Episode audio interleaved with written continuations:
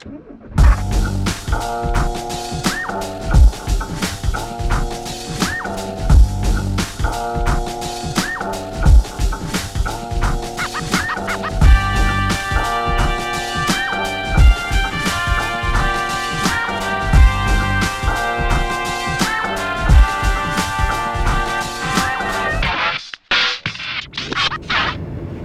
dobry.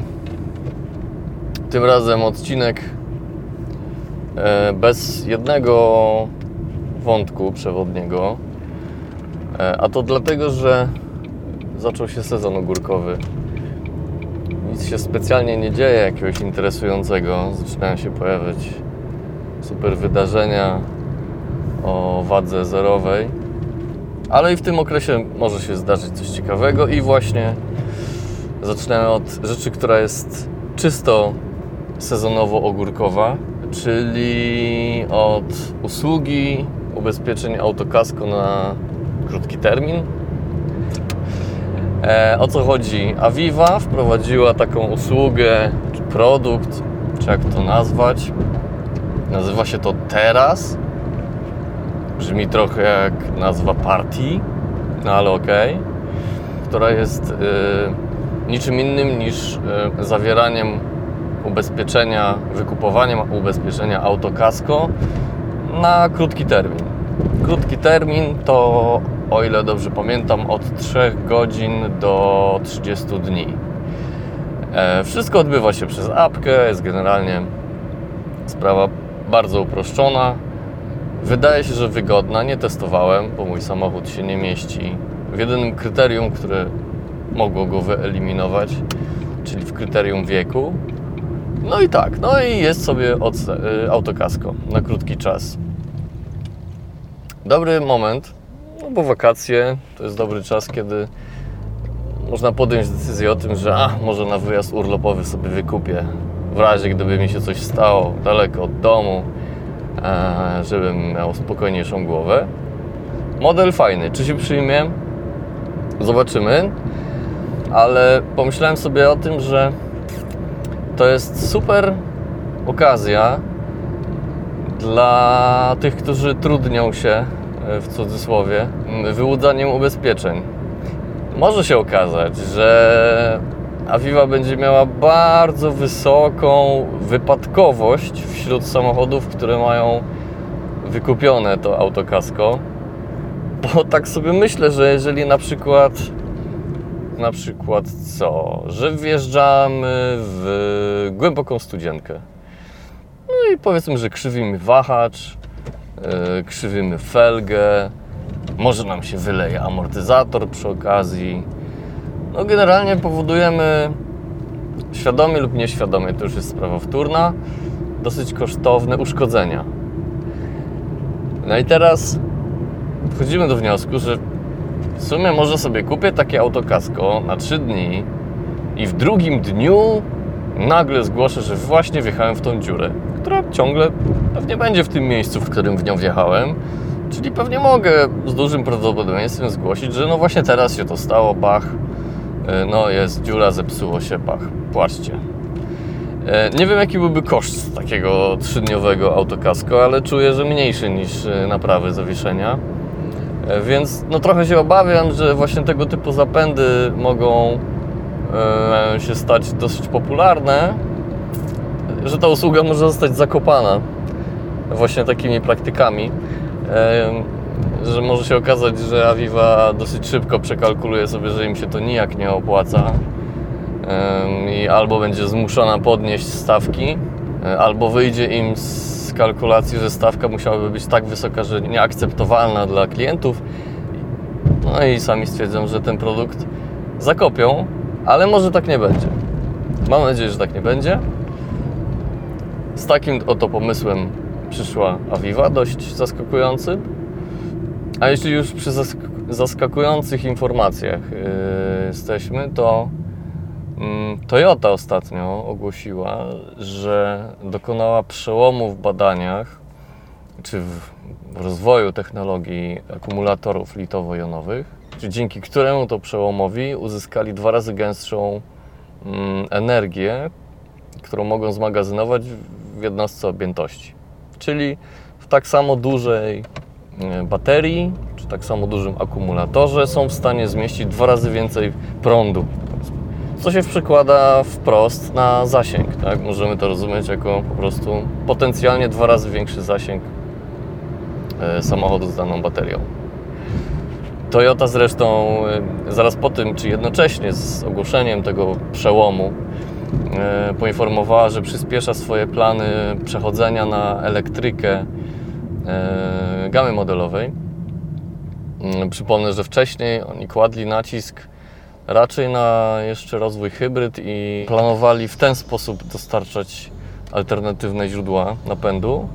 Elektryka u nich była gdzieś tam w dalszej perspektywie i zasadniczo zbyt głośno o niej nie mówili.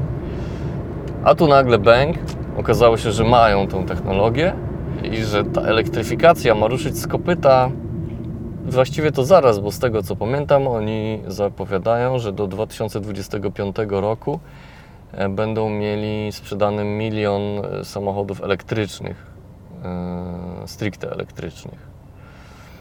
No więc zobaczymy.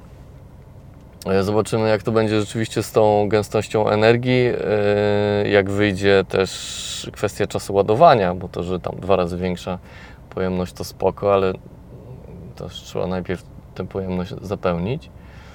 Mm, Ale zastanawiająca jest inna rzecz. I tak sobie myślę, że być może Toyota trochę się pospieszyła, mm, podejmując pewne kroki, a może już coś wiedziała.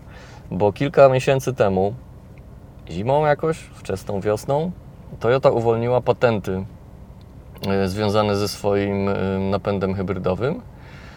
E, Czyli teoretycznie teraz każdy może sobie z ich wiedzy i technologii skorzystać i sklonować sobie rozwiązania mm, i zbudować swoje napędy hybrydowe już na sprawdzonych zasadach i e, jakby z gwarancją, że będą po prostu tak dobre jak Toyoty. Pojawiały się wtedy różne głosy. Po co oni to zrobili? Bo przecież. Łoho!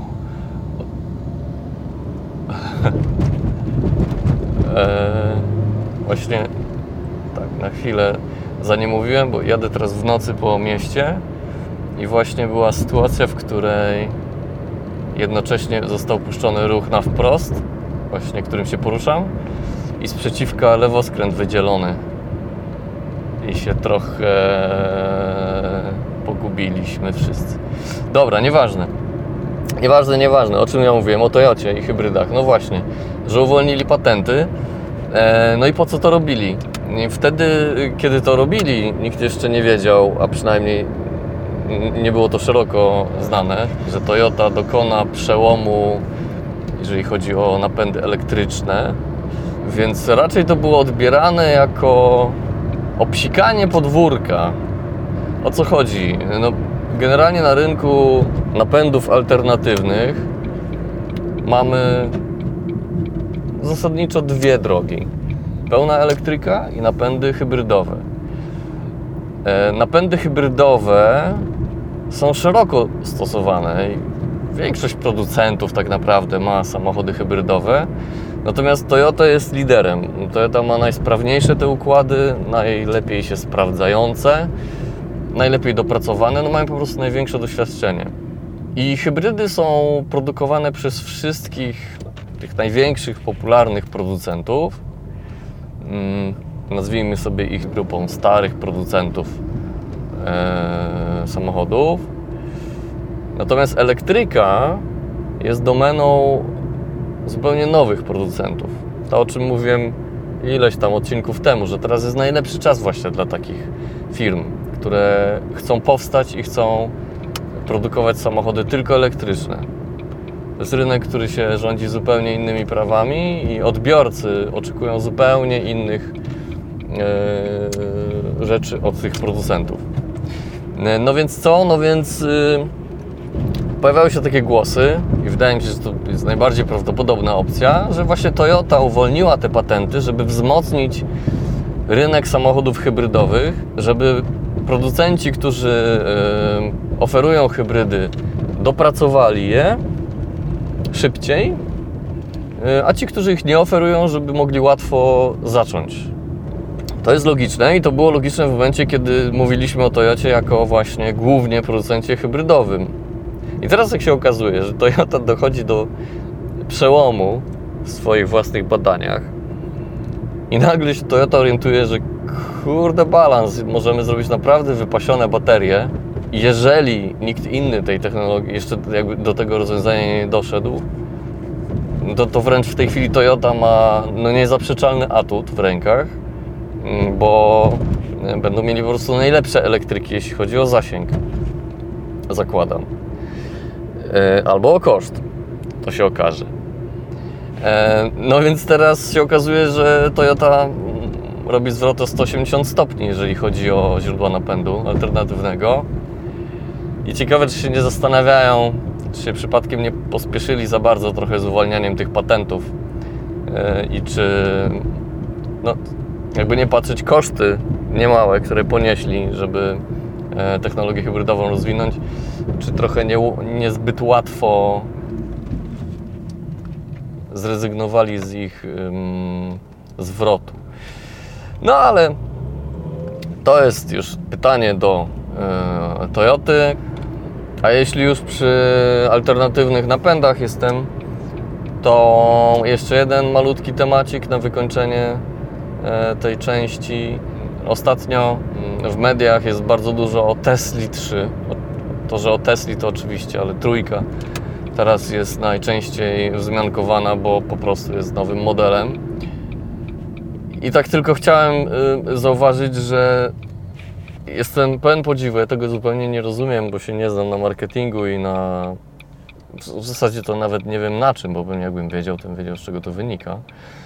Bo nie wiem, z czego bierze się ta miłość do wszystkiego, co robi Elon y, i ta, to religijne podejście do tematów związanych z jego wytworami.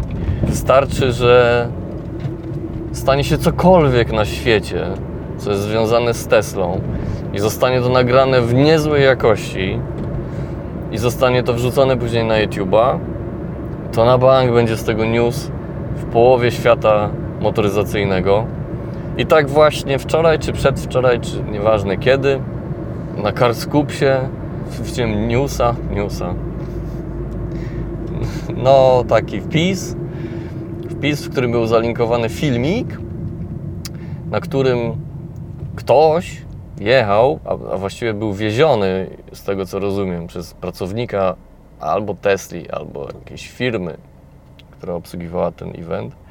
Więc ktoś był wieziony Teslą trójką przez tunel y, Boring Company, czy jak to się tam nazywa, to firma Elona aktualna, wykopany przed, pod Los Angeles to są te tunele Hyperloopa, czy tam loop. E, to jest po prostu no, taki tunel na szerokość samochodu. No i się wjeżdża, i się jedzie, i się wyjeżdża. No i mniej więcej tyle ten filmik właśnie prezentuje. Ten ktoś wjechał, przejechał, wyjechał, rozpędził się do stu kilkudziesięciu mil, jeżeli dobrze zakładam. Nie widać było jednostek, ale skoro stany to pewnie mile. Mm, no więc rozpędził się, zahamował, wyjechał, trwało to minutę. No i mnóstwo e, wyświetleń na YouTubie, informacje w świecie motoryzacyjnym na ten temat. Nie rozumiem tego, ale to jest Elon i mam szacun e, dla ludzi, którzy potrafią coś takiego zrobić, bo to samo robił Jobs z Applem E, że, że potrafią tak bardzo zajarać swoim pomysłem ludzi, że ci ludzie sami stają się później ambasadorami ich pomysłów e, i jeszcze sami podsycają ogień, który e, w tych pomysłach drzemie. Zmieniając temat z elektryków i alternatywnych napędów i ogólnie przyszłości, teraz trochę o przeszłości o przeszłości, która prawdopodobnie wydarzy się w niedalekiej przyszłości. Mm, o co chodzi? Mianowicie tym razem chodzi o Citroen, Citroena, który ma taki model jak C4 Cactus y, który to model obecnie jest produkowany w wersji poliftingu, czyli już dość mocno różniącej się od y, pierwszej wersji, która była fajna, wizualnie przynajmniej. Mm, druga jest już taka zwykła. Mm, I ta druga no, nie pykła. Mm, ludzie niespecjalnie chcą kupować. No i Citroen postanowił, że nie będzie następnej generacji C4 Cactus i że następcą Cactusa będzie zwykły kompakt. Zaskakujące, zważywszy, że Cactus jest oczywiście suwem, a kompakt jest nie suwem, czyli to rzecz niezbyt zgodna z tym trendem, który trwa od lat i wydaje się, że nie widać jego końca.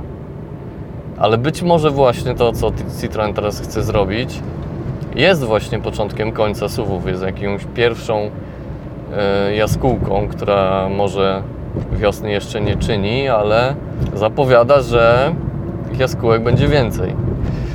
Kto wie, być może już się nasycamy tymi suwami i być może rzeczywiście e, zaczniemy od nich odchodzić, e, przynajmniej w Europie, która jest chyba najbardziej zasuwionym kontynentem w, w zachodnim świecie. Być może to będzie świadczyło o tym, że suwy słabną. E, dodatkowym argumentem mogłoby być też to, co zostało opisane akurat dziś na autoblogu. Opisano o wynikach badań nie do końca wiem, kto je przeprowadził i nie do końca wiem, e, jak były prowadzone. Już tak bardzo tego nie drążyłem. E, są to niby badania globalne mm, i polegające na wysądowaniu, jakie jest podejście do samochodów typu sedan. To mnie oczywiście od razu zainteresowało, bo sam jakiś czas temu pisałem i mówiłem o tym, że e, to, co się dzieje na rynku amerykańskim, na przykład to, że takie modele jak Mondeo są wygaszane i że generalnie sedanów jest coraz mniej, może świadczyć o tym, że sedany po prostu wymierają i już niedługo ich w ogóle nie będzie. A tymczasem z tych badań wynikałoby, że 75% ludzi, którzy w tej chwili są posiadaczami samochodu, ale nie z nadwoziem sedan, zakłada, że w przyszłości będzie miało sedana albo chętnie by go miało. Jeżeli to nie były badania prowadzone w Chinach i Indiach przede wszystkim, to to jest interesujące. Nie wiem, czy tak było. Jeżeli tak, no to oczywiście możemy sobie wsadzić w buty te badania, no bo są niereprezentatywne, bo wiadomo, że E, Indie i Chiny to są rynki niemalże tylko sedanowe i ewentualnie schodzą tam też suwy. E, no niemniej jednak jest to ciekawa e, informacja, zwłaszcza, że tam są przebadani, tam jest przebadana grupa wiekowa od 16 do 60 zdaje się i ta najniższa grupa, czyli milenialsi, takich nazywają, jest w ogóle mega zajarane sedanami i tam chyba 80% wręcz by chciało mieć sedana. Uważa, że to jest super typ nadwozia. Czy sedan jest rzeczywiście fajnym typem nadwozia? No, jak to mawiają programiści, to zależy, bo sedan jest fajnym typem nadwozia, mm, tyle że żeby jakoś wyglądał, musi być spełnionych kilka warunków, między innymi sedan, a właściwie to przede wszystkim Sedan wymaga odpowiednich proporcji nadwozia, żeby tył nie wyglądał na sztucznie doklejony i to jest mega trudne. To się udaje naprawdę niewielu producentom.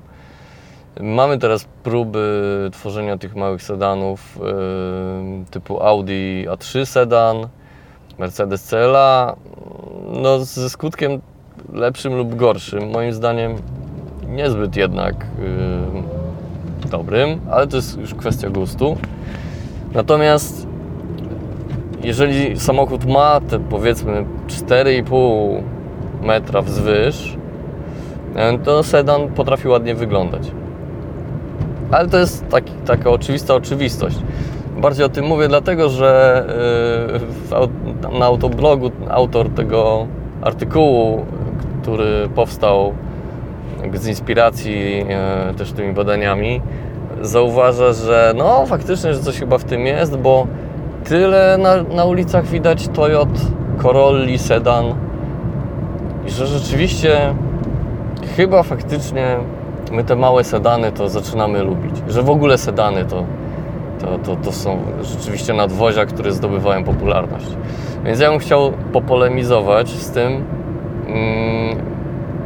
Dlaczego? Dlatego, że Toyota, są dwa powody, dla których Toyota Sedan może być tak bardzo popularna. Po pierwsze, Toyota Corolla Sedan aktualnie jest wielkości Avenzisa sprzed 10-15 lat. Czyli ma takie właśnie gabaryty, które pozwalają na narysowanie w miarę proporcjonalnego sedana. Jeżeli on będzie miał felgi w rozmiarze nie najmniejszym, czyli nie będą to szesnastki, bo teraz nadwozie są bardzo napompowane, są wysokie, jeżeli chodzi o profil. To wymaga dużych kół. Więc jeżeli rozmiar kół będzie odpowiedni, to te samochody mogą być proporcjonalne nawet przy takiej długości. I to jest pierwszy argument. Po prostu Corolla Sedan obecnej generacji, nawet poprzedniej, e, nie wygląda źle.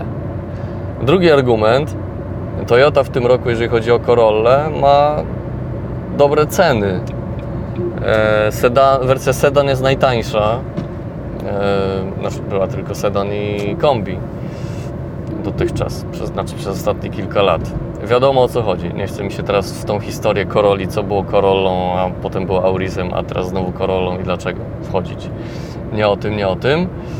Więc Corolla poprzedniej generacji, czyli tej schodzącej aktualnie, jest intensywnie wyprzedawana i teraz te samochody są rzeczywiście tanie. Jeżeli ktoś chce nowy samochód w dobrych pieniądzach, jeżeli dobrze się orientuję, 50, około 55 tysięcy kosztuje e, podstawowa wersja Corolli Sedan e, w salonie, bez żadnych tam promocji czy dodatkowych jeszcze i tam negocjacji.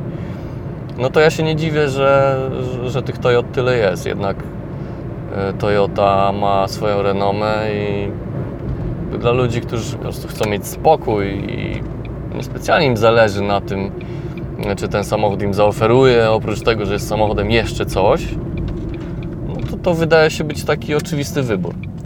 A ci ludzie też często mają głęboko w palniku, czy to jest sedan, czy nie sedan.